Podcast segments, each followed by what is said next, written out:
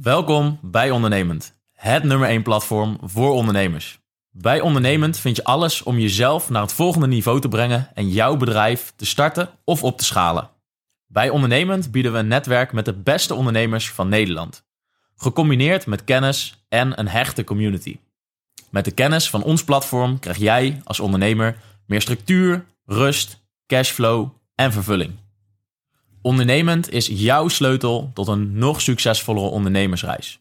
Dus wil jij samen met ons jouw maximale potentieel benutten? Join dan onze community. Welkom bij Ondernemend, waar de oprechte verhalen van anderen jou inspireren om meer uit jezelf te halen. Bij Ondernemend vind je echte gesprekken vanuit oprechtheid en openheid. Ondernemend betekent zelfeducatie, groei en op zoek gaan naar jouw waarheid. Erachter komen wie je in de kern bent. De dualiteit in onszelf leren te erkennen. Je grenzen opzoeken en verleggen. Door onszelf stapsgewijs te verbeteren, zullen we uiteindelijk de wereld verbeteren.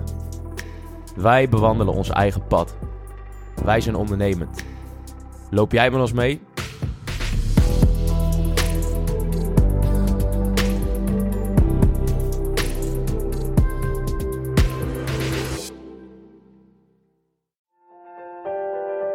Het is dus voor mij een soort enorme mooie speelveld van, ehm, van boven. Of van boven, wat natuurlijk niet boven is, maar gewoon om die informatie zo van het spirituele te kunnen ontvangen. En het gewoon heel no bullshit gewoon neer te kunnen zetten.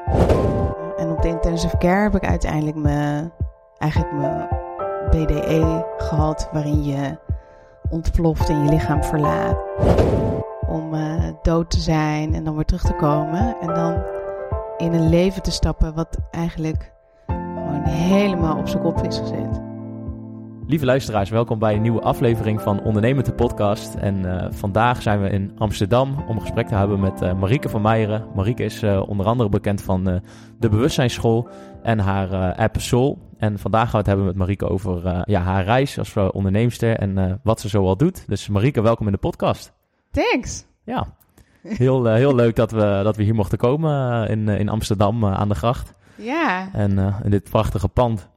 Welkom. Ja. ja. Zou je ons iets willen vertellen over wie je bent en wat je doet met de bewustzijnsschool? Poeh. Hele grote Long story short. Fuck. Dat is altijd zo'n kutvraag. Ja. Iedereen begint er gelijk mee. Wie ben je? Ja, toch een beetje introductie voor de luisteraar die misschien nog niet, nog niet helemaal weet.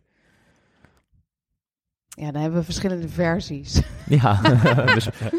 dus ik ga hem gewoon uh, de, de, de, de normale standaard versie. Nou ja, ja, wie ben ik? Ik ben uh, Marieke en uh, ik ben, hey, ja, ik ben onderneemster. Maar hier in Nederland sta ik ook bekend als een spreekster en energiewerker. Ehm, ik heb, ben de gelukkige eigenaresse van vier ondernemingen van de bewustzijnsschool, uh, Soul de app. Ik moet altijd even nadenken wat mijn bedrijf voor zijn. uh, New Earth Publishers. Ik heb een uitgeverij waar ik uit, uh, mijn eigen boeken in uitgeef, maar ook andermans boeken. En ik heb Rise. Onder andere heet zo mijn eigen autobiografie, die vorig jaar uitgekomen is. Maar daaronder hangen ook allemaal retraites en dagworkshops en dingen. Dus dat zijn eigenlijk vier dingen die ik heb in mijn leven. Ik ben een mama van een uh, kleine dochter, Lea. Dat is echt een soort bol met vuur. Echt een heerlijke chick. en ja. En wat doe ik met de bewustzijnsschool? De bewustzijnsschool bestaat nu zes jaar. En het, uh, het is eigenlijk best wel een mooie fase waar jullie nu in komen. Want dit hele mooie kantoor heb ik eigenlijk sinds gisteren heb ik dat niet meer. Dus over een maandje ga ik hier uit. Ik zit eigenlijk in een enorme transformatie wat betreft het ondernemen van de bewustzijnsschool.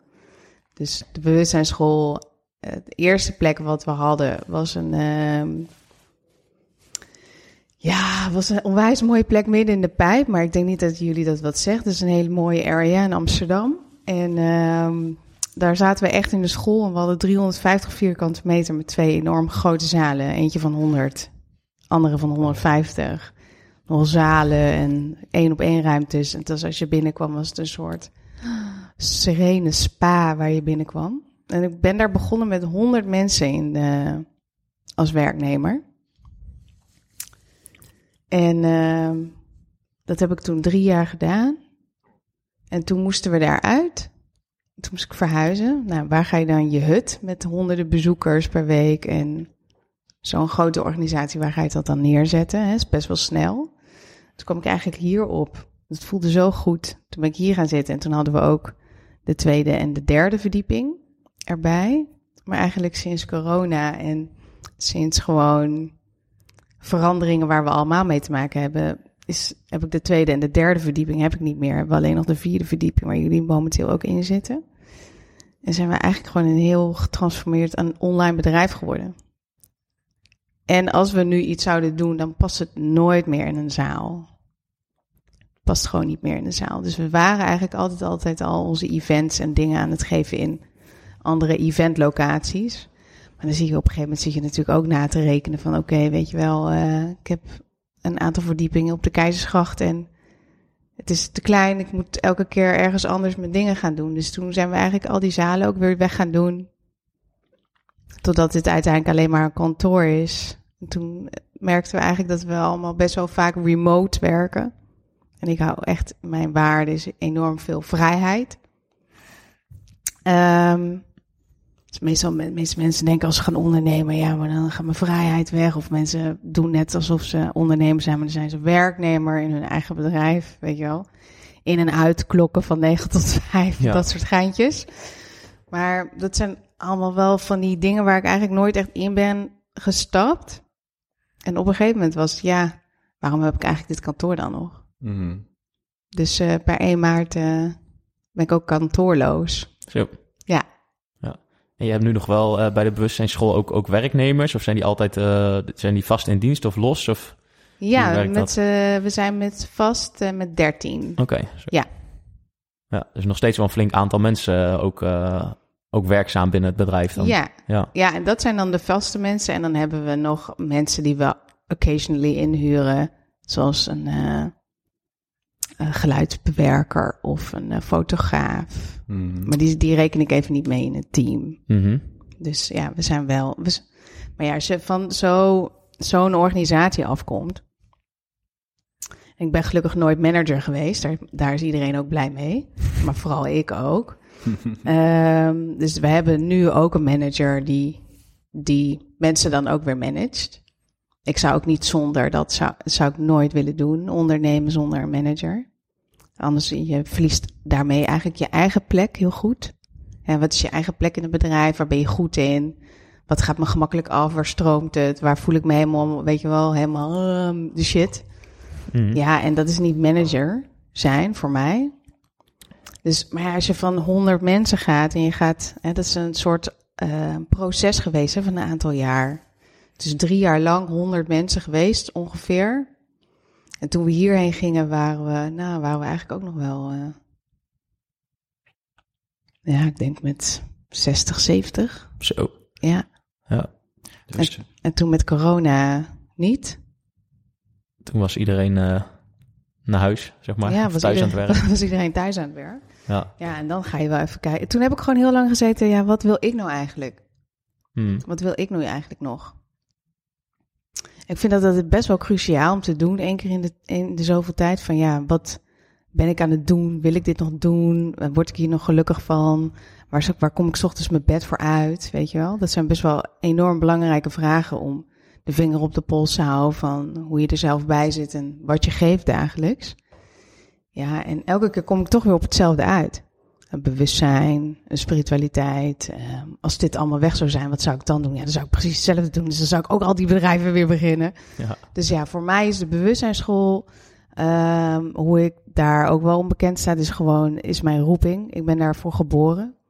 Er zou niet iets anders kunnen zijn waar je mij s ochtends voor wakker kan maken wat ik zou moeten doen in mijn leven. Mm -hmm. Ja. En, en, ja. en als we dan gaan kijken, want voor mensen die de bewustzijnsschool nog helemaal niet kennen, klinkt het misschien een beetje als een ja, best wel een ruim begrip. want bewustzijn is natuurlijk al heel ruim. ja. Wat zijn nou echt een beetje de, de kernwaardes en de, ja, waaruit is het nou echt ontstaan en hoe is dat idee tot stand gekomen en wat wil je ook echt uitstralen met de bewustzijnsschool of wat, wat is het doel van de bewustzijnsschool? Nou, het, het, hele concrete doel van de bewustzijnsschool was altijd, ehm, we hadden dagelijkse lessen, net zoals een sportschool. Dus het was, toen ik begon, zes jaar geleden, was er gewoon nog helemaal geen initiatief zoals wat wij deden. En het was gewoon de sportschool voor je mind, body en geest. En voor je ziel. En daarmee werd het heel laagdrempelig, omdat natuurlijk bewustzijn of ziel vrij vaak in de esoterische hoek terechtkomt. Of uh, een beetje zweverig, of uh, nou ja, laat dan maar. Dus wij hebben eigenlijk altijd in die drie facetten ontzettend veel lessen gehad. Dus van yoga tot kickboksen tot aan uh, zelfverdediging. Maar mindfulness, meditatie, energiewerk. Maar ook um, ondernemerschap, persoon, persoonlijk leiderschapslessen. Dus van super concreet en een soort dagelijkse yogaschool. Met ook andere faciliteiten qua sporten. Deden we dus net zoveel, net een drie kwart, uh, een kwart daarvan um, aan bewustzijnsontwikkeling. Mm. En daardoor denk ik dat wij van de start ook een vliegende start hebben gemaakt. Omdat het dus voor, ja, het is voor de massa gewoon heel begrijpbaar. Ja. En ik denk dat we daarin wel gepioneerd hebben. En pioneren we nog steeds wel, omdat we de hele tijd veranderen. En als wij dan veranderen, zie je eigenlijk een soort tendens ook ontstaan in de markt. Van de, dat ze dan weer mee gaan veranderen of dat ze meegaan in diezelfde mm. stroom. Dus dat is eigenlijk de bewustzijnsschool. Ja, dus eigenlijk een veel ruimer iets. Niet per se dat je echt los naar yogales gaat en dat je daar misschien wat, ook wat interessante dingen mee krijgt. Ook een klein beetje van spiritualiteit, maar toch weer net niet. Maar echt een plek waar je samen kan komen om juist al die componenten samen te voegen tot, een, ja, tot één school. Ja. Oké. Ja. En kijk, als je zo'n idee natuurlijk bedenkt, dan... Ik heb het niet bedacht. Dat nee, is of tot je is wel... gekomen. Ja, is wel belangrijk. Ja, ja, is wel belangrijk inderdaad. Mm. Woorden zijn zeker belangrijk. Maar als het tot je is gekomen, hoe ga je vervolgens, wat is jouw proces om vervolgens daar ook echt iets tastbaars van te maken? Want het is natuurlijk, ja, als zoiets tot je komt, dan kan het best wel overweldigend zijn. Het is natuurlijk een heel groot idee. Ook als je hoort van dat je al die com componenten samen wil voegen. Hoe ben jij aan de slag gegaan om vanuit, ja, dat vage begrip de bewustzijnsschool op dat moment nog echt een tastbaar iets te maken en ook echt de juiste mensen erbij te zoeken.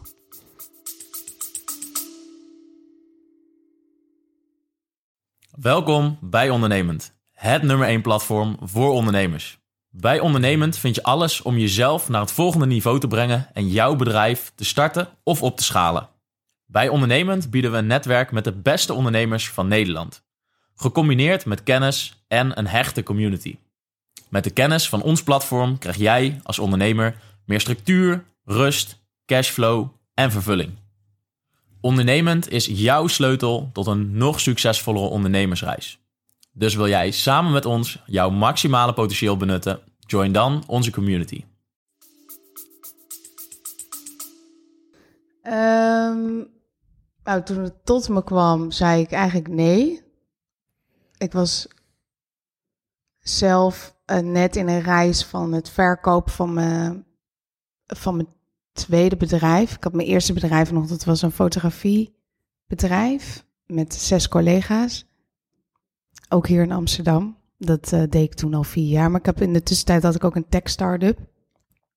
Dat is best wel belangrijk om te vertellen, want daarmee leg je eigenlijk lijntjes hè, om een beetje mensen mm -hmm. of iemand te leren kennen. Van, het is bij mij eigenlijk altijd iets van als ik iets echt uh, tot me krijg en ik voel het, dan is er bij mij niet een soort uh, iets in mijn hoofd die dan gaat denken: oh, dat kan ik niet, of dat lukt niet, of dat is gewoon bij mij gewoon, ik stroop gewoon mijn mouwen op, fuck het, we gaan ervoor. En ik ga gewoon, net zoals wat ik net vertelde met die app. Mm. Het is gewoon, ja, ik doe het gewoon.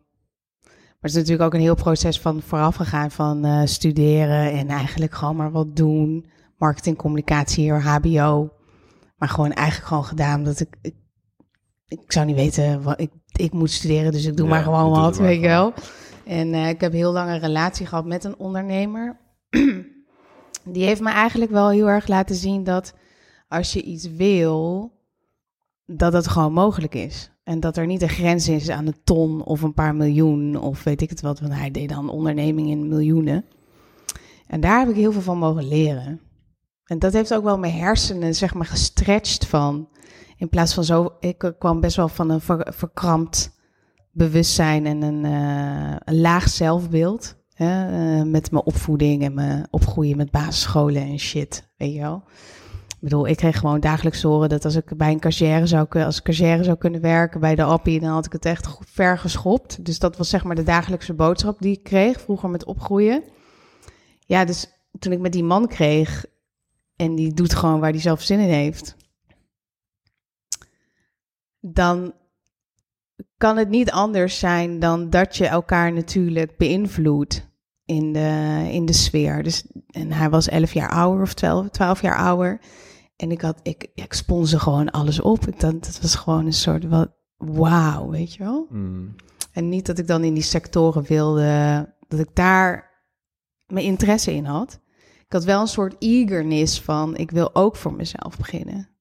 Wat dan? Hè, wat de meeste mensen hebben, maar wat dan? Maar wat dan? En ik was toen al heel erg yoga en eh, bezig met spirituele, spirituele dingen. Dat even geparkeerd voor een ander dingetje dan. En ja, als je dat meekrijgt en je gaat dan. eh, ik ben afgestudeerd en het eerste wat ik toen gedaan heb is werken bij een bedrijf, bij een groot fashion eh, bedrijf. En ehm, ik had vanuit vroeger had ik een herinnering. Toen was ik twee. Mijn vader, misschien hebben jullie dat ook wel gehad. Ik kende mijn vader eigenlijk niet echt. Die was gewoon eigenlijk altijd aan het werk. En als je twee, drie, vier jaar oud bent en je gaat om half zeven, zeven uur s'avonds naar bed en je staat om zeven uur op. Ja, mijn vader was meestal al weg. Dus eigenlijk het enige moment dat ik echt mijn vader echt een beetje meekreeg was in het weekend. En ik was denk ik tweeënhalf dat ik buiten sta met mijn moeder en het is lente en ik ben mijn vader aan het uitzwaaien. Hij heeft zijn koffertje en dan gaat hij dan naar de trein, liep hij dan altijd. Ik weet nog dat mijn moeder naar, naar huis liep en dat ik daar in die straat sta en dat de zon schijnt en dat ik vervolgens zelf een stem hoor of hè, eh, je eigen innerlijke weten. En dat ik dan tegen mezelf zeg, ja, later als ik ouder ben, ga ik het anders doen. En dan nou, gewoon nooit meer over nagedacht natuurlijk. Gewoon daarna rij je lekker verder met stiften je, kleur, je kleurplaat. Maar vervolgens ben ik 24, ben ik aan het werk bij uh, dat fashionbedrijf. En krijg ik dus na twee maanden dat ik daar werk, kijk ik een beetje naar buiten en krijg ik in één keer die herinnering. En zo werkt dat met je Mm. ja, afspraken die je diep van binnen zelf maakt. Toen kreeg ik zeg maar die herinneringen. Toen zat ik echt, what the fuck? Maar later is het dus nu. En toen heb ik mijn ontslag ingediend. Niet dat ik toen wist wat ik wilde. Ik dacht wel van, ik ben heel lang fotomodel geweest. En eh, ik ben heel creatief en ik heb goed, ja, ik ben heel visueel. Dus ehm, ik dacht, nou ja, foto's maken, dat kan ik wel. Toen ben ik begonnen, dat was eigenlijk gewoon gelijk wel een succes. Dus eh, succes betekende voor mij destijds dat ik mijn eigen broek omhoog kon houden. En, eh, en toen ik mijn tweede bedrijf startte, was een tech startup. Daar waren investmentrondes voor nodig. Mhm. Maar ik was 26, daar voelde ik me wel gewoon ook wel heel erg grond en stevig in. Omdat ik al investmentrondes had gedaan samen met mijn ex destijds. Dus ik wist wel waar ik het over had. En dan word je natuurlijk onderschat door mannen Ja. die veel ouder zijn en die dan proberen je bedrijf onder je vandaan te snoepen. En daar heb ik een jaar mijn hele hebben en houden in gezet in, dat, in die tech startup, dat bedrijf van mij. En toen heb ik het verkocht. En toen ben ik gaan reizen in mijn eentje in Spanje. Toen ben ik gaan hiken, lekker de bergen in, lekker stil, want ik hou wel van stilte. En eh, hiken en hout hakken en eh, eigenlijk niet zoveel doen. En, eh, en toen kreeg ik dus de bewustzijnsschool. En toen zei ik dus nee. Toen dacht ik, ja, ik heb er helemaal geen zin in. Ik heb net uit die drukte een beetje terug, denk ja, ik. ik, heb hier gewoon helemaal geen zin Shut the f- Mm. af, weet je wel. God, of hoe je het allemaal wil noemen. Ik heb hier gewoon helemaal geen zin in.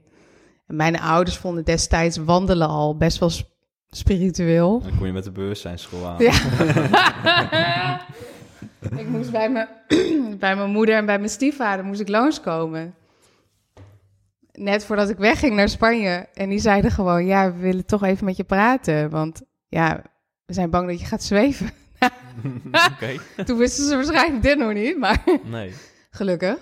Maar eh, toen moest ik wel gaan uitleggen waarom ik in hemelsnaam eh, hè, ging hiken in mijn eentje.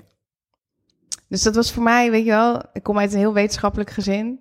Er is niet aan de tafel eh, ooit gesproken over ziel of eh, helder kijken of helder zien of helder voelen of alles eh, wat ik, waar ik eigenlijk bekend om sta in Nederland. Mm. Dus dat was wel een enorme grote deur die dicht zat voor mij. Dat was gewoon geen optie. Nee. Ja. Nee, dat was gewoon geen optie.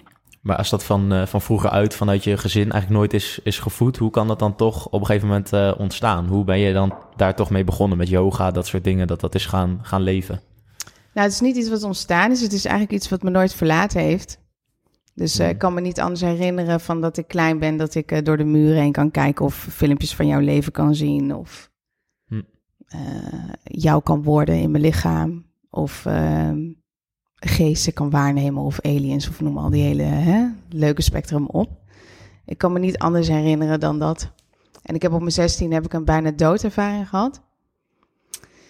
En dat is wel, eh, ja, dan tik je natuurlijk de grootste core aan, waar de hele mensheid eh, diep van binnen niet bewust van is, maar wel de hele dag mee bezig is of die veilig is of niet, of dat hij niet de pijp uitgaat of niet. Ja. En eh, ja, wat is de dood dan?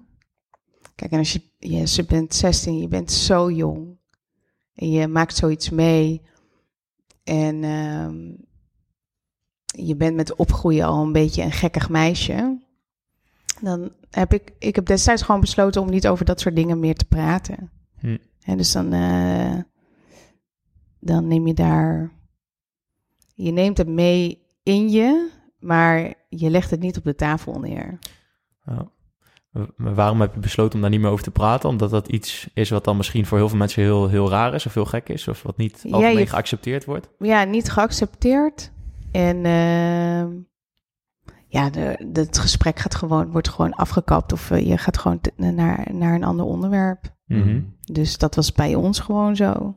Ja. En het, het bestond ook niet. Dus als jij natuurlijk opgroeit en je zit aan de tafel en je ziet eh, bij de rest van de vier familieleden dat er niet over gesproken wordt, ja, dan ga je mee met de groep, hè, want je moet overleven. Mhm. Dus dat is iets wat je eigenlijk onbewust doet. Als iets wat zo eh, kenmerkend en zo intens in je aanwezig is. En, en na een BDE, of eh, na, de- ik heb er verschillende gehad in die tijd. De- twee BDE's. Ja, dan. Ehm, ja, je bent, je bent gewoon helemaal veranderd. Ja. Ja, dat, dat kan ik, ik. Het is heel lastig om uit te leggen met woorden. Mhm. Om eh, dood te zijn en dan weer terug te komen. En dan in een leven te stappen wat eigenlijk gewoon helemaal op zijn kop is gezet. Mhm. En dat, en dat is intens. En vooral als je 16 bent, ben je gewoon een puber. Ik had mijn eerste vriendje. Weet je wel, ik was gewoon vooral ook een hele boze puber. Ja. Dus ja, dan. Dat is bij mij eigenlijk altijd wel gebleven. En zo, ik vond het vooral ook wel gewoon eng.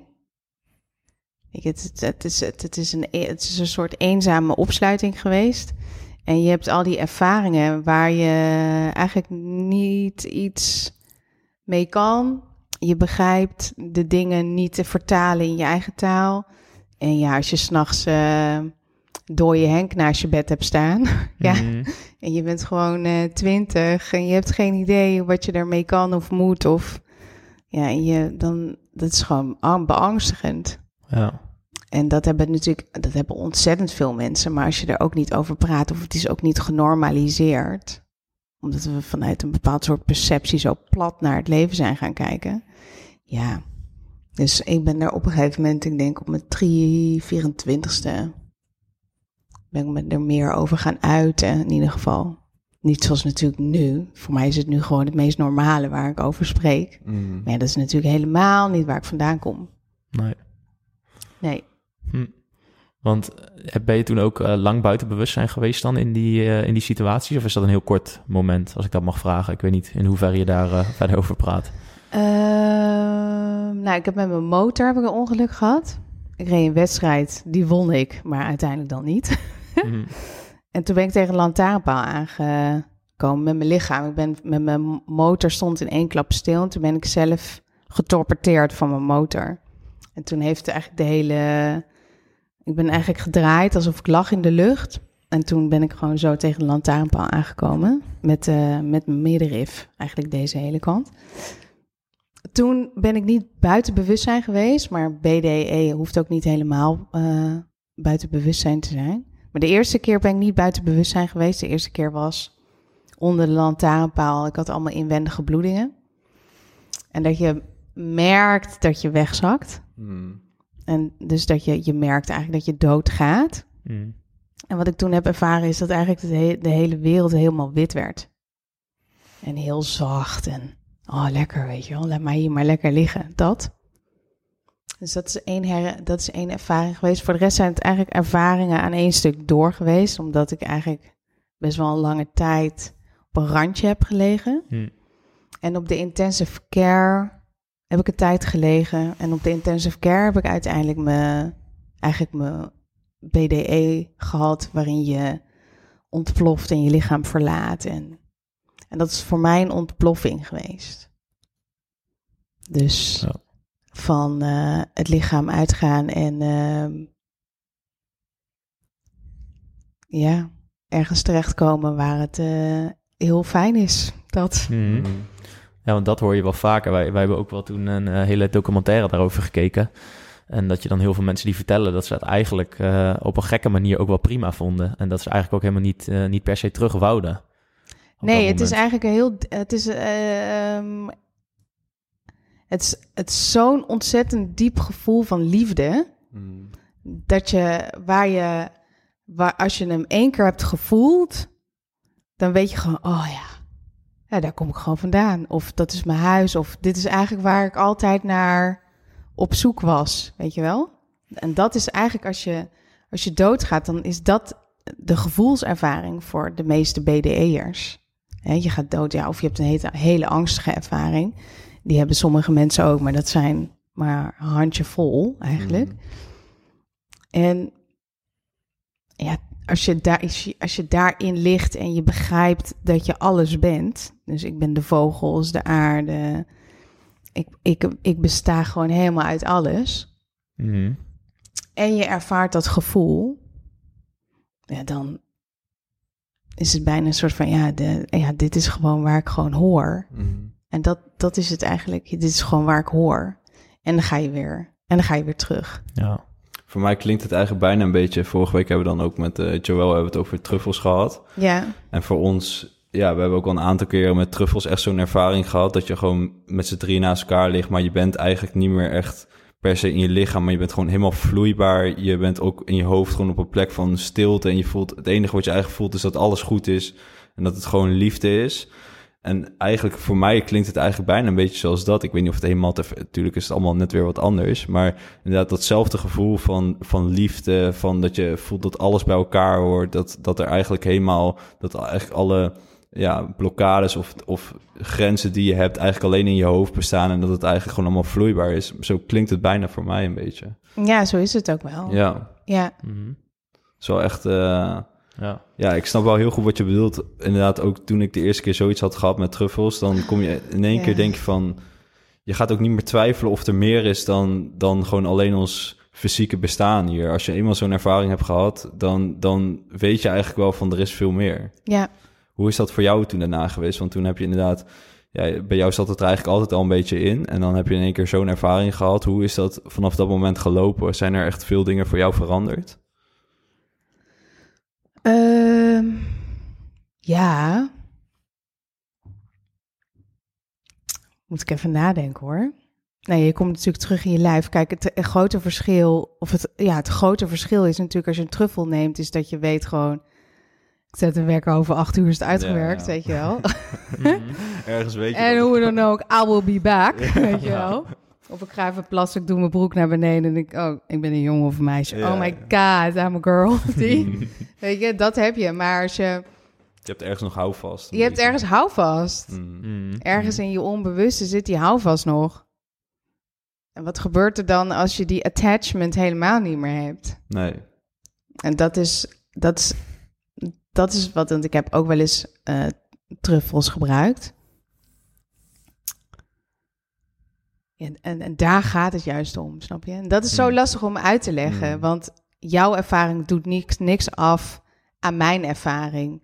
Alleen het grootste verschil is, is die attachment on life. Ja. En wat nou als we geen, geen attachment meer hebben aan mijn lichaam? En, en dan wat, weet je wel? En dan worden we allemaal heel bang. Ja. En, en, dat, zat, en dat zit soms ook wel in mij. Mm. Hè? Want ik bedoel, ik ben een volwassen vrouw nu, zelfverzekerd. Ik heb zelfvertrouwen. Ik weet wie ik ben. Ik weet wat ik ben. Eh, mij krijg je niet zomaar. eh mij maak je niks wijs. Maar er, er, er is in mijn bewustzijn ergens ook een meisje van 16 die ze zeker, zeer zeker wel bang is geweest. En dat heeft ermee te maken met kan ik die attachment van het leven zelf loslaten. En bij mijn ervaring is, kijk, als je nou, eh, je pakt de lantaarnpaal, ik had uh, mijn schedel gepakt, om het even zo te zeggen. Ja, heel ander verhaal geweest. Mm. Ja, dat was gewoon eh, twee seconden en dan ben je, ge- Klaar. ja, dan ben je gewoon klaar. Mm. Ja. En, eh, of je wordt gepakt door een auto, je ligt in een coma. Dan heb je ook een hele andere ervaring. Ja. En mijn ervaring is, is geweest dat ik getekend heb vanuit boven van ja, doe, doe mij maar profieletje Marieke van Meijeren. Mm. Die ga ik wel even spelen, super gezellig. Maar daar stond wel in, eh, ja, je gaat wel gewoon eh, anderhalve week eh, vechten voor je leven voordat je de pijp uitgaat. Mm. En dat, en dat is voor mij mentaal een, een, eh, een zware geweest. Om, om 16 te zijn en te strijden voor je leven. En zo ontzettend veel pijn te hebben. En dat, dat lichamelijke stuk om, eh, om dan dood te gaan, om zeg maar hè, de, de ontploffing te ervaren. En dus het licht en de, dat is niet een dissociatie, maar dat is gewoon je BDE-ervaring. Ja, dat, dat is zo'n ontzettend andere cookie. Dus ja, kan je op de IC gaan mediteren of mezelf wijsmaken dat ik ben niet mijn lichaam, hè, wat allemaal de spirituele practices zijn. Maar je lichaam wordt helemaal uit elkaar getrokken van de pijn. Mm. Weet je, dan, ja, dat is Ja. lastig. Mm.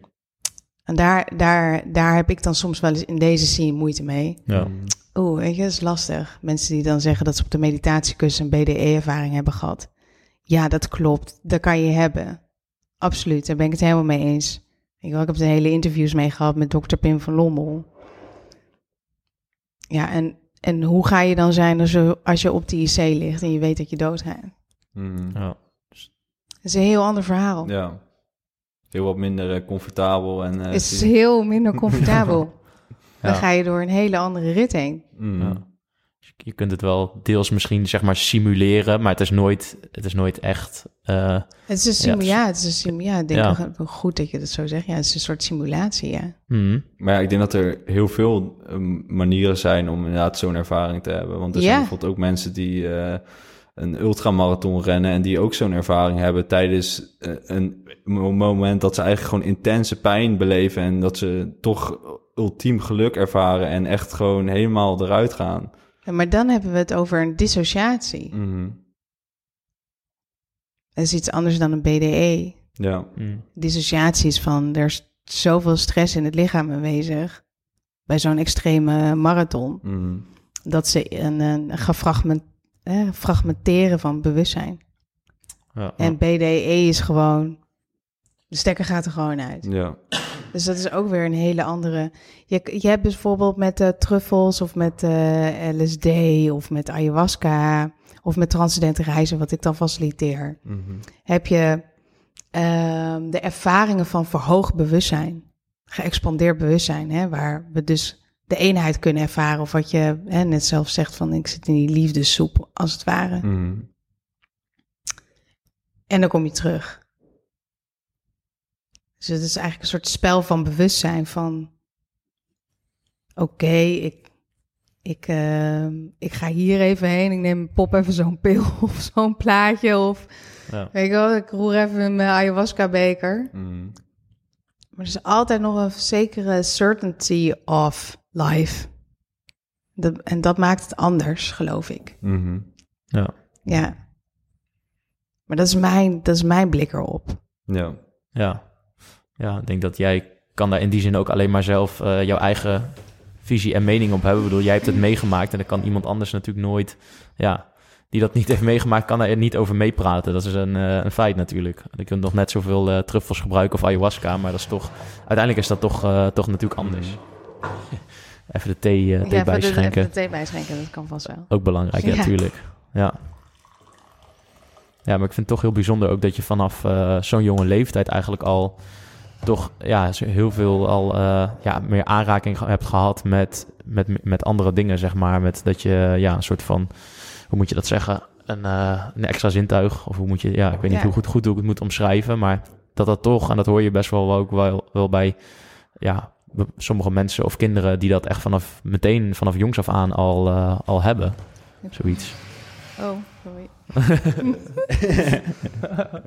ja, maar ik denk ook dat, weet je, het is, het is, het is ook al wel, wel weer hoe je het bekijkt. Ik geloof heel erg erin dat iedereen zo geboren wordt. Het Hmm. heeft er alleen mee te maken, sluit je de poort, dan doe je er een leuke stenen wand omheen. Ja. En ga je dan eh, verder. En ja, heeft, het heeft ermee te maken ook met de frequentie waar je mee geboren bent. Iedereen eh, in dit veld is hetzelfde, maar we zijn allemaal anders en we zijn allemaal uniek. Eh, ik ben voor bepaalde eh, dingen geboren, net zoals dat jullie voor andere dingen geboren zijn. Ik denk dat het heel, heel prachtig is om daar vanuit een soort diep zelfrespect over te kunnen spreken van ik ben zo geboren, jij bent zo geboren, jij bent zo geboren. En het is altijd weer de weg terug naar huis. Hm. Kijk, en ik heb de weg terug naar huis gekregen nog een keer toen ik 16 was. Ja, de- die ga je niet meer vergeten. Mooi. En dat ik zo jong ben en die ervaringen heb, zet je natuurlijk ergens ook op een soort eh, reservebank in de gymzaal. Want met wie ga je daar dat dan over hebben? Weet je als je zes bent of zeven en je hebt het er thuis niet over. Ik had wel mijn oma en mijn opa waar ik wel eens mee sprak. Hm. Maar ik denk dat zo ontzettend veel kinderen, ook vooral nu, geworden geboren met hetgene waar ik ja, mee geboren ben, wat de normaalste gang van zaken is, weet je wel. Ik bedoel, mijn, mijn dochter vraagt zich niet af wat telepathie is of zo. Die doet het gewoon, Mhm. weet je wel. Of eh, we, beginnen nu een beetje te komen, of nou ja, een beetje, ze heeft, ze heeft het er wel eens over. Want hè, toen ze twee was of tweeënhalf, dan stond ze naar een weiland te kijken en dan zei ze... Hm. Ja, mam, ik eh, zie allemaal. eh, het zijn allemaal lichtvrouwtjes in het weiland. Ja? Oh ja, joh, gezellig, weet je wel. En dan, en dan zit ze tussen 2,5, kan ze natuurlijk niet echt. Ik vind het nog wel even interessant, want eh, ja, jij kon daar vroeger niet echt over praten. En op een gegeven moment kom je dan ook op een leeftijd dat je wat meer vrijheid krijgt. Je kan wat meer je eigen ding doen. Eh, waar, wat heeft jou echt heel erg geholpen om op dat moment bijvoorbeeld... misschien mensen waar je tegen opkeek of waar je dacht van... oh, die, die lopen eigenlijk een beetje hetzelfde pad... wa- waar ik altijd het gevoel heb waar ik ook eigenlijk heen wil. Eh, wat heeft jou op die leeftijd een beetje echt geholpen... eh, ja, tot, tot meer kennis of, of personen waar je misschien mee bent omgegaan... eh, tot het pad waar je nu eh, op, eh, op zit? Dus dan echt een beetje na je twintig, of in ieder geval echt dat je toen je ging studeren misschien, meer vrijheid. Ja, dat is eigenlijk een beetje een cliché-verhaal geweest. Ik was, ja, dat, toen niet. Toen heb ik dat niet ervaren. En toen op mijn 23 heb ik nog wel een, een ervaring gehad. In de zin van eh, levenservaring. Ik was eh, zwanger van mijn eerste dochter en die ben ik toen verloren. Eh, omdat ik destijds ook eh, geprognotiseerd was met een voorvorm van baarmoederhalskanker. En dat, dat heeft me eigenlijk gezegd, doen laten stoppen. En gewoon hulp te zoeken bij een uh, psychotherapeute. Om uh, voor traumaverwerking eigenlijk die hele rit. Uh, het, kunnen leren uiten van mijn gevoelens. Het, het, überhaupt kunnen praten over wat er allemaal in me omgaat. Wat gaat er eigenlijk allemaal in me om? Dat had ik eigenlijk niet echt geleerd.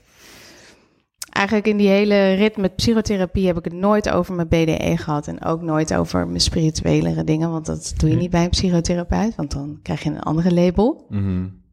En um, ik ben. Ik heb een tijd gehad dat ik naar scholen ging. In Engeland en in, hier in Nederland naar bepaalde spirituele, goede, aangeschreven scholen. En uh, daar krijg ik eigenlijk altijd de boodschap van: als je hier aan, in de klas gaat zitten, dan gaan we jou niet zoveel leren. Het is beter dat je het gewoon zelf gaat doen. Of uh, ja, ik kreeg eigenlijk altijd wel die boodschap mee. Dus dan stond ik toch wel weer buiten. Mhm. Ik vond het ook heel eerlijk gezegd peanuts wat ze daar dan deden. Dan denk ik, ja, oké. Okay. Of wat er dan gebeurde, weet je wel, dat ze een reading moesten geven bij iemand. Of Mm. um, lijntjes moesten leggen met de onzichtbare wereld. Om te kijken of er contact kwam, dat soort dingen. En toen merkte ik eigenlijk door die weg, merkte ik eigenlijk meer van, oh ja, maar mijn plek is dit hier. En ik ben hier op deze plek. En toen kwam, heb ik eigenlijk een aanmerking gekomen met een vrouw in uh, het zuiden van het land. En daar ging ik eigenlijk één keer in het half jaar of één keer in het jaar heen om mezelf te kunnen uiten. Over alle ervaringen die ik had. En dat, dat voelde wel lekker. En toen begon ik op een gegeven moment, een beetje zo op mijn 4, 25 begon ik het. Ik had zo'n vriendinnengroep al heel lang, vanaf mijn veertiende, met vanaf de middelbare. En die wisten dat ook niet van mij. Dus toen met zo'n weekendje weg in uh, Maastricht, waar iedereen dan lekker aan de alcohol zit en weet ik het wat, dacht ik, nou oké, okay, uh, weet je wel, ik had allemaal moed verzameld. En toen heb ik het tegen mijn vriendinnen verteld. Nou, de helft die wilde er niks over weten. De andere zei, oh, oh cool, laat, wat, wat, wat dan? Dus dat heeft me wel een soort van ook vrijgezet. Dus het zijn eigenlijk allemaal kleine stapjes die ik gezet heb. Mm, steeds meer open. En... Om mezelf te durven openen en eigenlijk mezelf te openen. En toen heb ik eigenlijk best wel een tijd een relatie gehad met een man. Die was psycholoog. En uh, ik denk dat dit dat de eerste man is geweest waar ik eigenlijk mezelf zo comfortabel en veilig bij voelde. Dat ik echt gewoon alles maar gewoon vertelde. Mm -hmm. En toen kwam uiteindelijk ook, kwamen er ook collega's in mijn eerste bedrijf die me eigenlijk ook wel sponsorden, een soort van. Dus dan als er mensen binnenkwamen, dan kreeg ik een euro. Als ik dan iemand een hand gaf, dan las ik iemand zo. En dan ging ik naar de visagist in de keuken. En dan zei ik, nou ja, dit, dit, dit, dit, dit, dit. En dan als ik het fout had, dan moest ik een euro betalen. En als ik het goed had, kreeg ik een, kreeg ik een euro. Mm -hmm. Dus toen heb ik zakjes met euro verzameld. dus zo spelenderwijs ben ik ermee omgegaan. En um, ja, gewoon de weg van mezelf eigenlijk. Ik heb nooit workshops of opleidingen of trainingen of iemand gehad waarvan ik, waar, waar, waar ik tegenaan keek of opkeek.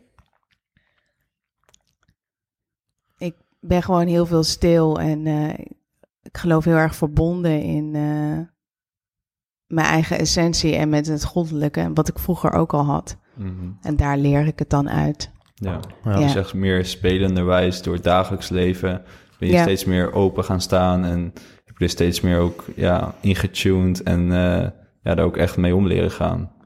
Hm. En het is natuurlijk ook, het is aan de andere kant is het ook een godsgeschenk, zeg maar, mijn gezin waar ik vandaan kom of mijn familie.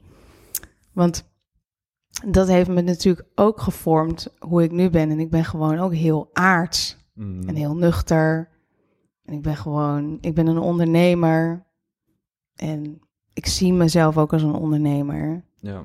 En het is dus voor mij een soort enorme mooie speelveld van, ehm, hè, van boven, of hè, van boven, wat natuurlijk niet boven is, maar gewoon om die informatie zo van het spirituele te kunnen ontvangen. En het gewoon heel no bullshit gewoon neer te kunnen zetten. Ja. En dat is natuurlijk, dat is wel iets wat ik natuurlijk meegekregen heb van het gezin waar ik uitkom. Dat de no-nonsense manier. Ja. dat kan je ook weer toepassen. Ja, dus da- daarom gaan zoveel mensen ook aan op me. Omdat ik gewoon hele diepe filosof- filosofische of diepe spirituele verhalen of contexten zo makkelijk kan vertalen. Ja, Brengt het terug naar, terug naar iets simpeler eh, Ja, joh. vorm dat het te begrijpen is eh, Ja. ook voor mensen, ja. Ja, Ja. Dat is wel de kracht, want vaak is het natuurlijk, ja, het is, het ja. ja. allerlei termen worden dan natuurlijk vaak gebruikt, maar ja, je- het is ook heel moeilijk, want je ontkomt op een gegeven moment niet aan om iets toch een label of een naam te geven. En dat maakt het vaak, geeft het alweer, plaatst het in een bepaald hokje, of geeft het alweer een bepaalde lading mee vaak. Ja, Bijvoorbeeld het woord God, of, of ja, ja, ja. Ja. Of je zegt dan ja, van boven inderdaad, maar ja, hoe, ja, hoe noem je het dan? Mensen hebben daar toch weer associaties bij, of, eh, of een bepaald idee erbij. ja, meestal zeg ik gewoon God of goddelijk of spirit, whatever you Ja. want to call it. En dan is het gewoon, en ik noem het vaak God of het goddelijke. Als ik het woord God gebruik, dan gebruik ik het altijd niet in de christelijke religies. Voor mij heeft dat een hele andere lading. Eh, kijk, en als je het al zo zegt, dan weten mensen eigenlijk al gelijk wel waar je het over hebt. Nou. Ja. Ja, heel mooi. Ja. Ja. Ik zit even, even gewoon, eh, gewoon na te denken van, eh, zeg maar, als je het ge- gesprek volgt van, ja, wat er allemaal wordt verteld en zo. Ook mensen die misschien, misschien ondernemen en die er helemaal niet zo mee bezig zijn, weet je wel. Is het wel, kan het misschien wel in één keer best wel, best Diep. wel diepgaand zijn. Ja, ja, ja. Dus ik even zo over na te denken. Ik denk, ja, maar ja. Maar ja, het is wel, eh, denk ook wel mooi, omdat je toch eh, op best wel, ja, inderdaad, hoe je het zegt, praktische manier, dat je gewoon ondernemer, onderneemster bent en ja, heel erg terugbrengt naar het aardse. En het is ook gewoon, kijk hoe jij erover vertelt, is het ook, ja, het is ook niet iets, iets ehm, ontastbaars of zo, weet je wel. Het is gewoon iets wat jij meemaakt en wat jij voelt en wat jij, eh, wat je ervaart. En ja, je kunt daar niet echt in die zin over twijfelen of het dan wel of niet zo is, weet je wel. Voor jou is dat gewoon hoe je het ervaart en hoe je het meemaakt. Ja, Dat is wel, ja, is wel heel, eh, heel mooi. Omdat je er door erover te vertellen mensen ook inzicht geeft in, oké, van ja, hoe is dat nou? En ja, wat is het, wat is het dan nou precies? Ja, en ik denk ook wel wat een hele belangrijke is, wat ook gewoon heel praktisch is. Van ja, ik leef eerder meer vanuit de wat ik ben, vanuit mijn ziel, in plaats vanuit dat. Hè, en ik gebruik de wie ik ben. Ik gebruik Marieke, zeg maar, als een soort vehicle van om dingen aan te zwengelen of te doen of te ondernemen. Maar als je heel goed weet wat je bent en ook vanuit de Marieke de identiteit van wat mijn waarden zijn, hè, vrijheid, transparantie, eerlijkheid, ehm, overvloed, ehm, geluk, gezondheid, noem, hè, noem dat soort dingen op. En je doet daar geen afstand aan. En je doet er ook geen concessies mee. Ja, ik werk anderhalve dag in de week. En ik ben echt zeer gelukkig met mijn vrije tijd. En ik ben zeer gelukkig met hetgene wat ik neerzet, moeiteloos. Ik ben zeer gelukkig met mijn financiële situatie. Ik geloof ook dat ik zeer gelukkig ben als moeder van een jong kindje. Dat ik zo ontzettend veel tijd heb omdat ik met haar kan spenderen. Ja, ik geloof dat ondernemers veel meer kunnen leren van wat ze zijn. Dat ze dat duidelijker kunnen verweven. En dat ze niet een soort van werknemersmentaliteit creëren in het bedrijf wat ze aan het eh, bestieren zijn. Het, het, het, het behelst eigenlijk alles. Dus het is van super spiritueel en es, hè, esoterisch, wil ik het bijna nog een keertje wel zeggen. Maar ja, hoeveel mensen of hoeveel ondernemers ik wel niet tegenkom die in deze scene ook zitten en of een burn-out hebben of gewoon in dingen stappen waar ze niet in moeten stappen of financieel niet rond kunnen komen of noem alles maar op of zichzelf niet eens verstaanbaar kunnen maken. Ja, daar gaat het ook over. Ja, dus, dus ook onderzoeken wie je precies bent, wat je hier te doen staat en dan dingen doen die in lijn zijn met jou, zodat je niet continu heel erg veel weerstand op je pad hebt en continu allemaal eh, pijn in je leven hebt, omdat je eigenlijk de verkeerde dingen aan het doen bent. Ja, Ja, Hè, dus wat jij, wat jij net ook zei, van ja, je hebt het eh, idee gekregen, hè, dat idee bedacht van de bewustzijnsschool, maar het is niet een idee wat ik bedacht heb. En dat is nou, nou eh, juist hetgene wat het maakt of kraakt, of hè, weet je, hoe je het moet zeggen. In deze tijd geloof ik van eh, de bewustzijnsexpansie van de mens en van bedrijven aan zichzelf. Ik geloof echt dat alles omflikkert wat vanuit eh, een idee bedacht is. Of dat eh, Mhm. de buurman doet het, die gaat lekker, dus ik ga het zelf ook doen. Ja. vanuit ego eigenlijk. Ja, terwijl ja, Henk doet wat hij moet doen eh, en jij moet iets anders doen. Mm. Maar jij neemt niet de responsibility van hetgeen wat jij moet doen. Dus er blijft een soort gat in de puzzel open, weet je wel. En daar gaat het eigenlijk ook over. Ja. Dat zie ik heel erg sterk als ondernemer zijn. En dat als je dus, je hebt de ballen hè, om ondernemer te worden, want dat vergt ontzettend veel van je persoonlijke en zakelijke ontwikkeling. Ik bedoel, het is één grote emotionele glijbaan. Misschien kunnen jullie dat ook wel ambiëren. Ik bedoel, Zeker, ja. dus dan neem je verantwoordelijkheid voor je hele pakket. En dan verkoop je je ziel toch niet? Nee. Omdat je een auto wil hebben of... eh, En ik geloof wel hè, in de zin van... oké, het gaat goed financieel, eh, dit en dit. Eh, wat zouden we nou graag willen hebben? Of wat zou ik graag willen hebben? Hè, om dat geluk ergens te kunnen matchen met elkaar. En je wil een leuke Ford Mustang Shelby kopen. Ik noem maar even Mhm. random een auto. Mhm. Ja, be my guest, weet je wel. Maar het is not de vehicle waar je hem op start. Nee, Ja, klopt. het komt pas later eigenlijk. Ja, dat is Ja. zeg maar die, de result Mm. en niet het startpunt. Ja. Maar hoe kom je meer, meer in tune daarmee, zeg maar? Dus hoe weet je nou van, oké, ik ben ondernemer en ik heb eh, bijvoorbeeld eh, ik heb een idee of een ingeving. Dus één van beide. Maar hoe weet je nou van, oké, dit is iets wat echt vanuit, vanuit mijn diepere zelf komt... of iets wat echt vanuit het ego komt en wat ik dus verzin... omdat ik veel omzet wil draaien, omdat ik eh, rijk wil zijn... omdat ik ja, mijn ego eigenlijk wil, eh, een boost wil geven. En in eerste instantie is het ook dat je in je lichaam kan voelen of je er blij van wordt of niet. Ja, En dat is gewoon heel simpel. Is bijvoorbeeld eh, op, op een blad schrijven je idee en op je andere blad je ingeving. Je draait ze om, je husselt ze door elkaar. Je legt ze op de grond neer op zijn kop en je gaat erop staan. En je lichaam die vertelt wel van eh, dit wordt hem of dit wordt hem niet. Ja. Dat is gewoon, dat is gewoon zo'n simpele practice die je gewoon kan interweven in, in het hebben van een bedrijf. Wij doen Ja. dat bijvoorbeeld ook met productontwikkeling of met prijsstellingen hier, weet je wel. We komen, ik kom er niet uit. Dan doen we dat met alle collega's, weet je wel. En dan zo komen wij tot onze prijsstellingen. Mhm. Ja. Maar dat dus ook al, begrijp je wat ik bedoel? Wij doen dat dus bijvoorbeeld ook met onze prijsstellingen. Mhm. En dus verkopen wij er ook gewoon ontzettend veel van. Zou ik zeg maar de prijs stellen van... Oké, nou weet je wel, hup. We doen, we vergooien het over de bunnen. 5000 euro, weet je wel. En dan hoop ik ook dat ik er 100 verkoop. Ja, dan heb ik lekker, heb ik lekker spekken, weet je wel. Op mijn Ja. bankrekening. Lekker, en dan verkoop je er drie. Mhm. Ja, dan is mijn allereerste vraag, want ik heb ook heel veel bedrijven in deze scene, retraiteplekken of centrums gereorganiseerd. Of in ieder geval, hè, dan mag ik even kijken. Ja. Dat is altijd heel kut voor de ondernemer. maar oké, nou, je hebt er drie verkocht. Hoe zou dat nou komen? Weet je wel? Dus het is ook een soort, het is een enorme spiegel. Every given moment. Om te kijken van, hmm, dit, dit komt toch wel een beetje uit, eh, uit die hoek. Weet Ja. wel? Een beetje, het is een beetje, het is onzuiver of het komt uit het ego. Het wordt niet ondersteund. Ja. En die ondersteuning is zo belangrijk. En die ondersteuning krijgen we alleen maar als we aangelijnd zijn met onze ziel en hè, onze spirituele fashion word eh, purpose. Ja. Ja. Ja, daar hadden we het vandaag ook nog heel erg over. Van, daarin is het denk ik ook heel belangrijk dat de kern ook goed is. Dus dat jij ook vanuit de rust leeft, dat jij ingetuned bent met jezelf, dat je, dat je ook leert luisteren naar je gevoel. Want op een gegeven moment, als je alleen maar in je hoofd zit, dan is het ook heel lastig om nou te gaan bedenken van, ja, wil ik dit nou echt? Of is dit gewoon weer iets wat, wat in me op is gekomen omdat inderdaad, omdat je je ego wil voeden? Ja, Dus daarin is denk ik dat ook wel een heel belangrijk iets om, om echt die kern eerst ook heel goed te hebben. En ook echt gewoon de rust ook te krijgen om naar je gevoel te luisteren. ja. En hoe luister je naar je gevoel? Dat is een goede vraag. ja.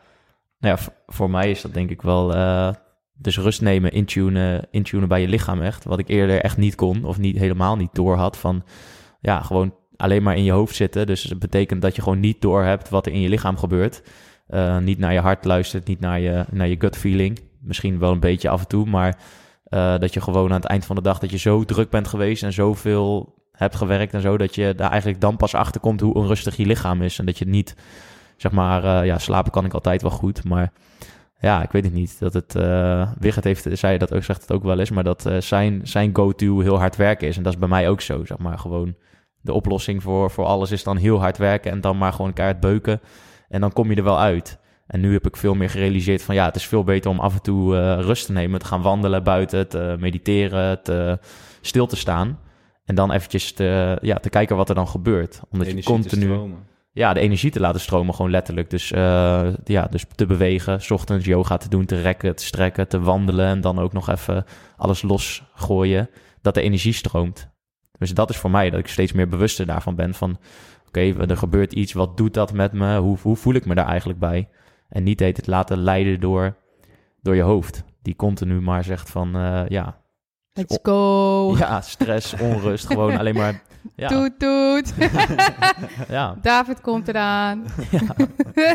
ja. Dus ik weet niet hoe jij dat, eh, hoe jij dat ziet, maar Ja, je, proces. het is bij je lichaam blijven. Ja, Of durf ik bij mijn lichaam te blijven? Dat is eigenlijk een veel betere, denk ik. ja, Durf ik bij mijn lichaam te blijven? Omdat als we bij ons lichaam zijn, dan gaan we ons lichaam voelen. Ja. Dat is best wel eng. Begin wel, denk ik. Ja, want dan weten we eigenlijk niet zo goed wat er in ons omgaat. De meeste mensen kennen ook maar eigenlijk twaalf kleurtjes aan gevoel. Weet je Hmm. hoeveel kleurtjes gevoel er zijn? Geen idee. A lot. Ja, on- ontelbaar. Ja, Ja. maar we kunnen ze niet definiëren, maar toch komen ze elke dag door ons lijf heen. Mm. Maar als we ze niet kunnen definiëren, dan begrijpen we onszelf niet. Dus weten we eigenlijk ook niet wat we voelen. Als we maar die twaalf kleurtjes kunnen, hè? Dus, dus een blij, geluk, ontspanning, voldaan, stress, spanning, boos, woede, frustratie. Weet je? Mm. Als dat ze zijn, dan zijn er, hè, dat zijn er een paar. Ja. Maar we weten de hele andere rit niet. Ja. Dus het heeft ook wel weer met zelfinzicht en zelfkennis nodig. Maar durf ik bij mijn eigen lichaam te zijn? En dat kan je 's ochtends ook natuurlijk al hebben, want de meeste mensen worden namelijk 's ochtends al wakker. En zijn na 30 seconden al zuk, naar het penthouse het hoofd gegaan. Ja. En worden dan al helemaal vast wakker. En dan, en dan gaan we die rit in. Mm. Oh, er moeten allemaal van dingetjes. En als ze ondernemer zijn, snel, want ik heb een hele to-do-lijst of dit of dat, weet je wel. En die verliezen zich dan weer daarin. Ja. Dus hebben ze eigenlijk ook een soortzelfde kooi gemaakt dan als ze bij iemand an, bij een ander bedrijf zouden werken. Maar dan heb je dus eigenlijk alweer, wat ik net ook zei, weet je, dat is wel een mooi cirkeltje. Dan ben je dus jezelf verloren. Dan ben je dus van je eigen ziel aan het afsnoepen. Ja. Mm. En Wat zijn nou je waarden? Durf je echt, durf je echt, zeg maar, voor vrijheid te gaan? Of echt vrijheid ervaren, het is fucking scared. Dat is echt eng. Mm. Durf je echt alles te bevragen? Durf je het los te laten? Ja. Dat zijn, dat zijn de interessante vragen. Zeker. Dan, dan ga je in overgave komen van oké, weet je wat? Ik doe niet dat product van 5000 euro. Ik ga deze maand gewoon niks doen. Oeh, shit. Weet je wel, ik heb wel eh 13 mensen die je moet betalen. Huurtje bij de Keizersgracht. Ja. Mm. Weet je wel? maar kan ik dan vertrouwen op hetgene wat dan nog tot me mag komen, wat een product zou kunnen zijn, wat ik over de bühne mag gaan gooien? Hè, ik, noem even, ik noem maar gewoon even een ding nu. Mm. En dat werkt in het hele leven zo. Mm. Dus ook, ook de controle loslaten. Ja, Dat is het vaak juist. Want je wil controle hebben over je leven. Dus je gaat van alles doen om die controle vast te blijven houden. Dus op een gegeven moment ook gewoon, gewoon uitademen en gewoon, gewoon laten gaan. En gewoon laten gebeuren wat er gebeurt. En gewoon mee te gaan op die, op die stroming. Zonder daar denk ik te veel van te vinden ook. ja. En toch ergens hebben we wel als ondernemer richting nodig. Ja, Dat is wel belangrijk om te zeggen. Mhm. Dus we hebben ook verantwoordelijkheid. En ik denk dat dat ook heel belangrijk is. Dus ik geloof ook heel erg in van. ehm, ik geloof er heel heilig in dat ik succesvol ben. eh, omdat ik een diep gevoel van verantwoordelijkheid heb naar mezelf.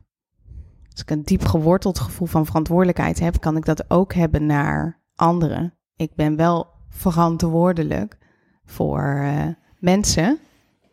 En ik ben ook verantwoordelijk voor een, een kind. Maar, als ondernemer ben je, hè, als je alleen bent, een ZZP'er, ben je ook verantwoordelijk voor jezelf. Maar alleen al heel veel mensen in, tegenwoordig vinden het lastig om die verantwoordelijkheid al te nemen. Met kan ik de rekening wel betalen? Ehm, ik snoep wel elke maand 500 euro van mijn spaarrekening erbij. Mhm. Weet je, dat, dat is dus eigenlijk ook al een vertaling van... ik durf die verantwoordelijkheid niet helemaal te nemen. Als Mhm. ondernemer hebben we wel een financiële verantwoordelijkheid te dragen. Ja. En, en, en dus van het hele spirituele weer heel even terug, terug naar de aarde. Ja, dus ik heb wel, ik heb wel zo'n verantwoordelijkheid.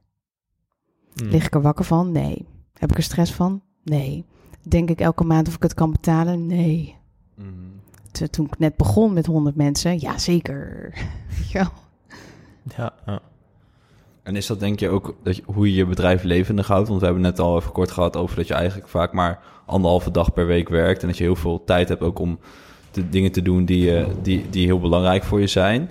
Is dat denk ik ook, ja, is dat, vind je dat ook, of is dat een manier om te verzorgen dat je bedrijf ook zorgt dat je rust in je hoofd houdt, dat je aan, aan het hoofd kan blijven staan, dat je nieuwe ideeën kan doorvoeren, juist omdat je het zo inricht dat je niet zelf al die operationele taken altijd hoeft te doen?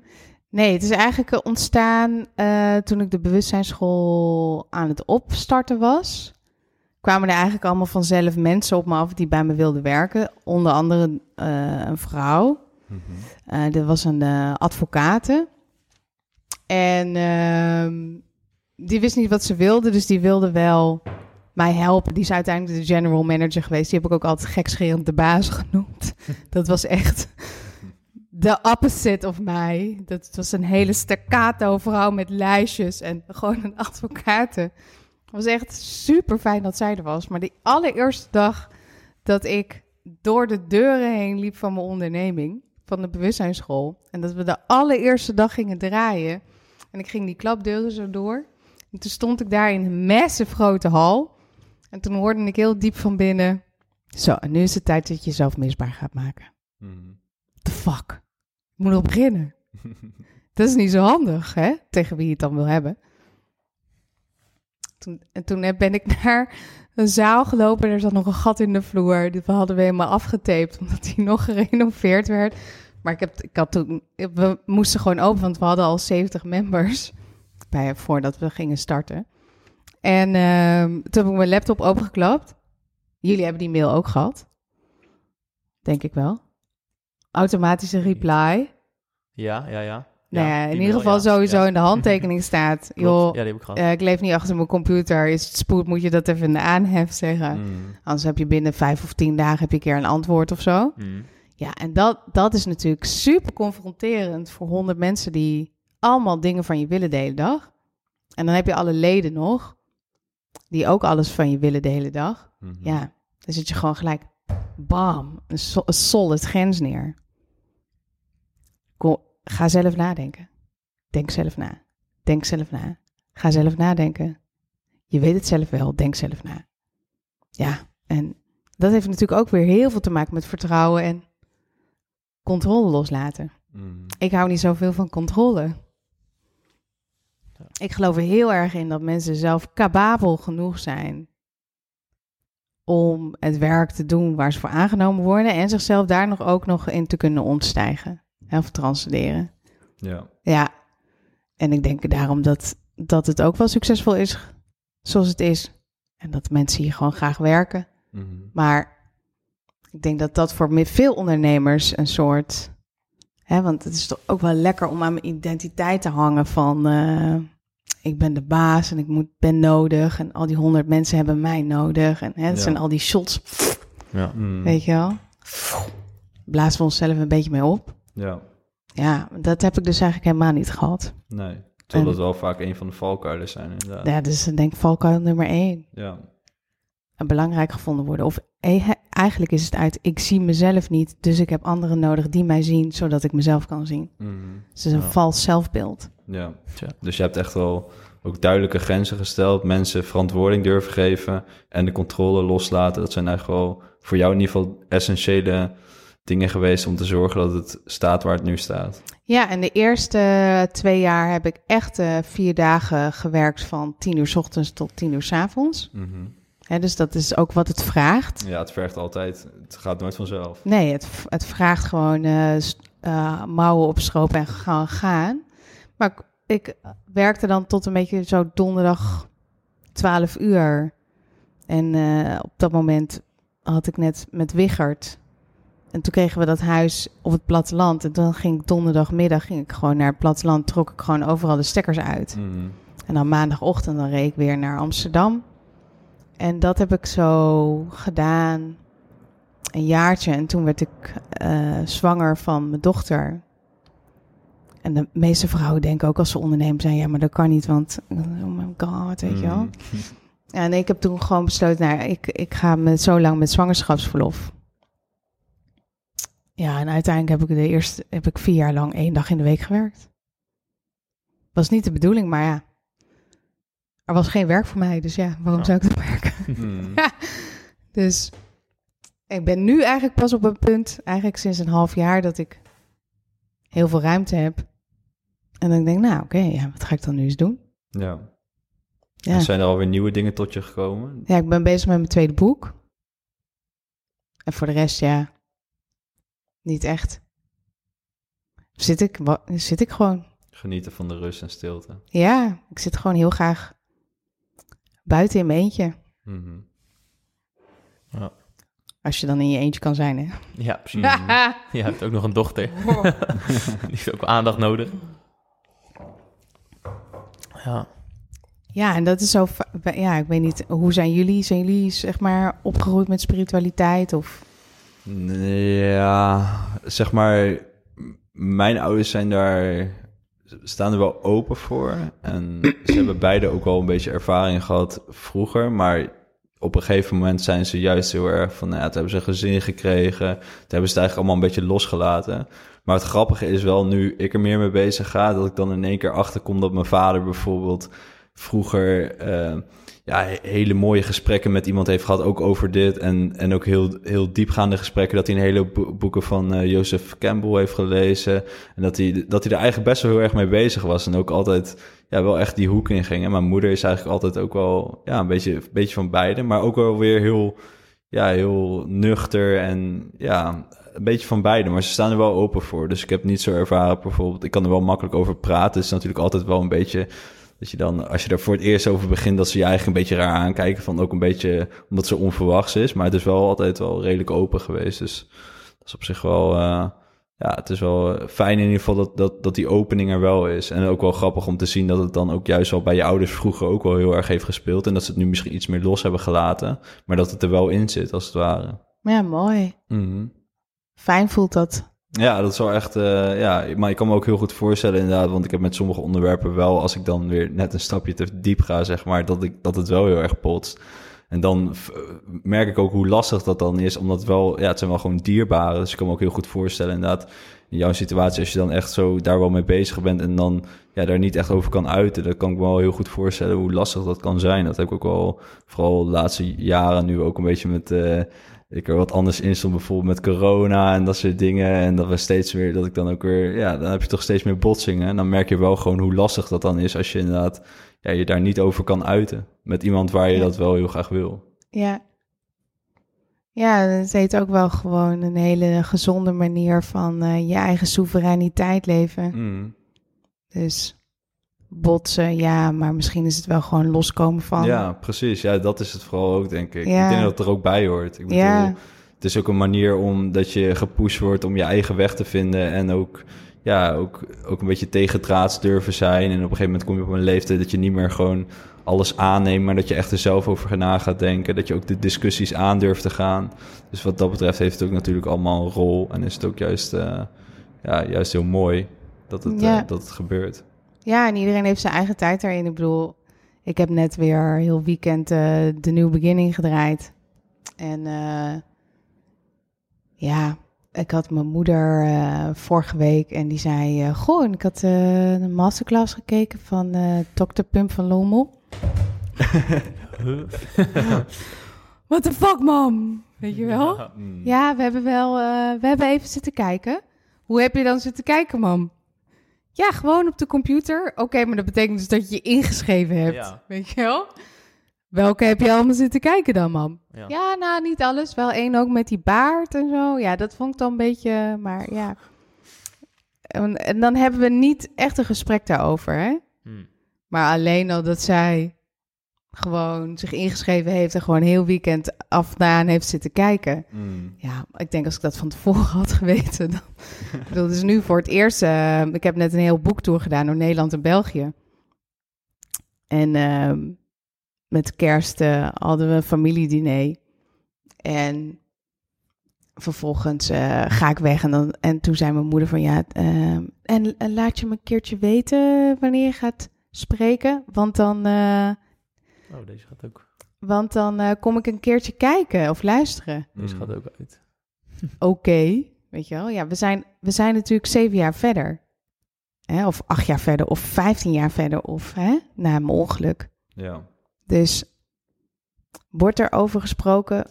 Moet er over gesproken worden? Voor mij hoeft daar niet meer over gesproken te worden. Nee. En mij, ik ben zelf zo ontzettend transparant. Ik bedoel, wat je van mij op de, op de televisie ziet, wou ik zeggen, maar op de internet of dingen, weet je wel. En als ik gewoon thuis ben, het is gewoon steeds overal dezelfde vrouw. Mm. Hmm. Er zit niet een verschil in of zo. Nee. Dus die transparantheid is voor mij ook weer een bevrijding geweest. Mm. Er is niet iets wat ik achterhaal in een potje of dingetjes of weet ik het wat. Dit is gewoon helemaal, dit is gewoon Marieke.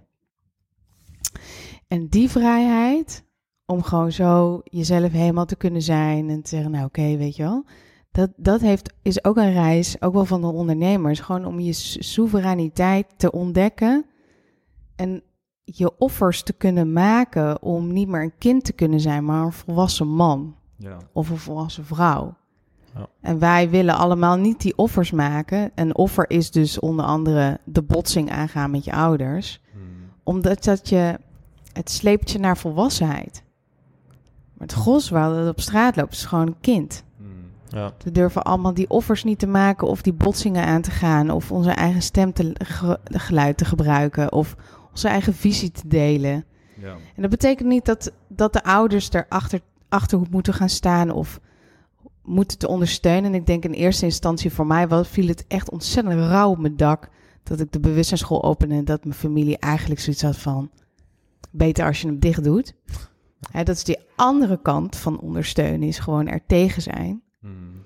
Maar dat heeft mij wel gemaakt tot een, tot een, tot de vrouw die ik nu ben Ja. los van, soever, soeverein. En, en, en dus die offers durven te maken. En dat, dat is ook weer een weerspiegeling naar je bedrijf. Durf jij die offers of die gesprekken niet aan te gaan? Of straks als je collega's krijgt en je moet hè, moeilijke gesprekken hebben. Ja, met, met veel gevoelens. En je durft niet eh, de verantwoordelijkheid te nemen van je pakkie wat er op de stoel zit, je lijf. Mm. Ja. Ja, groeien ook niet. Groeit je bedrijf ook niet. Nee.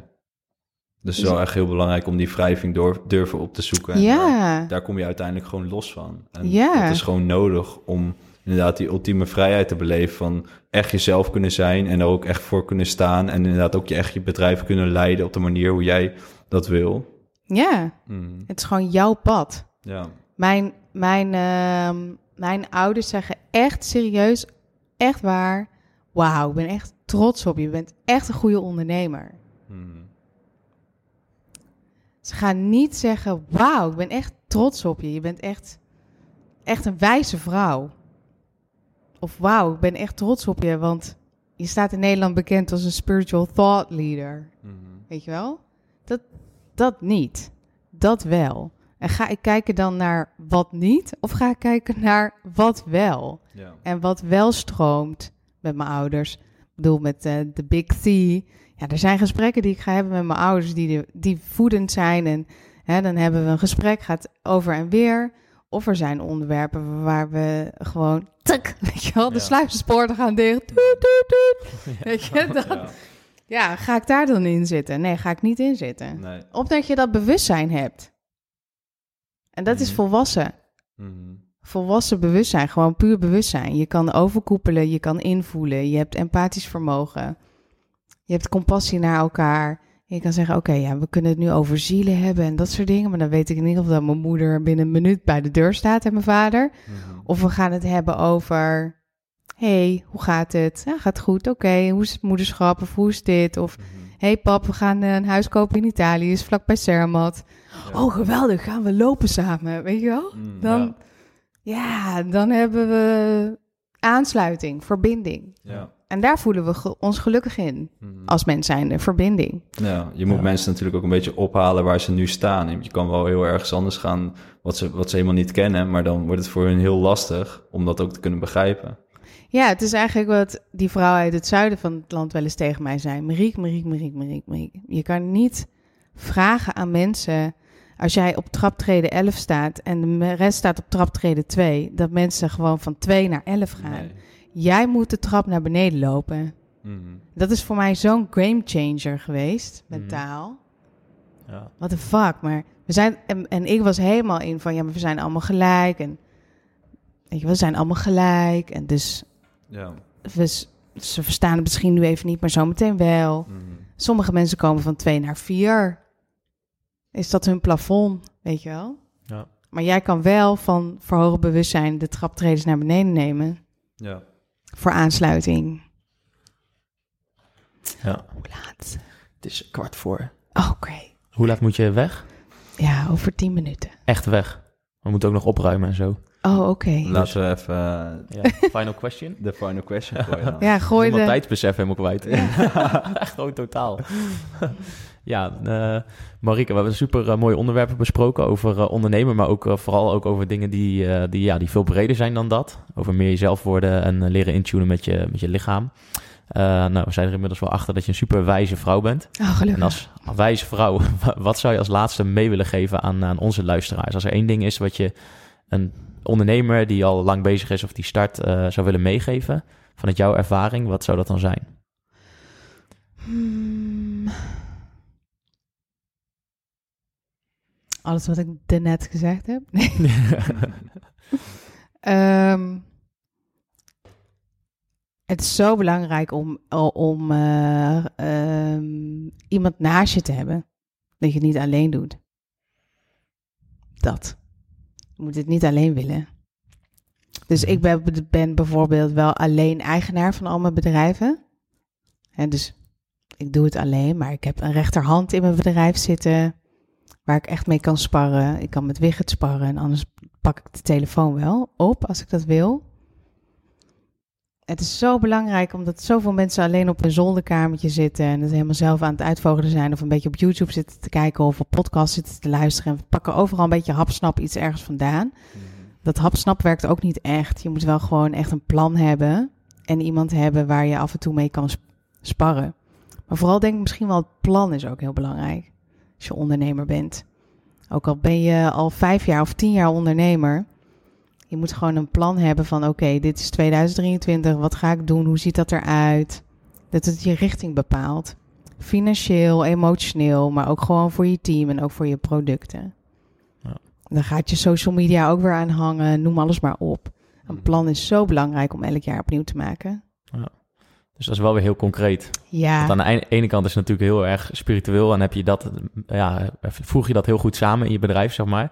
Maar je gaat er wel weer heel concreet naar echt plannen, doelen, eh, acties uitzetten. En dat is wel mooi dat je die twee dingen wel echt met elkaar combineert om ook echt een resultaat eh, te bewerkstelligen. ja. Ja. Thank. God. Ja, gelukkig wel ja. Anders Ja. zou je ook niet zo ver komen, denk ik. Nee. nee. Nou, helemaal mooi. Dan eh, moeten we omwille van de tijd, denk ik, eh, Ja. moeten we er maar een, eh, een eind aan gaan, eh, gaan breien. ja, dank jullie wel. Ja, jij Ja, ook jij bedankt. Wij zijn eh, denk ik super dankbaar dat wij hier, eh, hier mochten zijn vandaag en dat we dit gesprek met jou eh, mochten hebben. En hebben er allebei, allebei denk ik weer heel veel van geleerd en de luisteraar eh, ook. Zet denk ik weer eh, heel voorzichtig wat eh, deurtjes op een kier, Ja, wie weet. En eh, ja, ik denk dat veel mensen er een hoop van kunnen leren. Mhm. Dus dank je wel voor het mooie gesprek. thanks. Tot de volgende keer.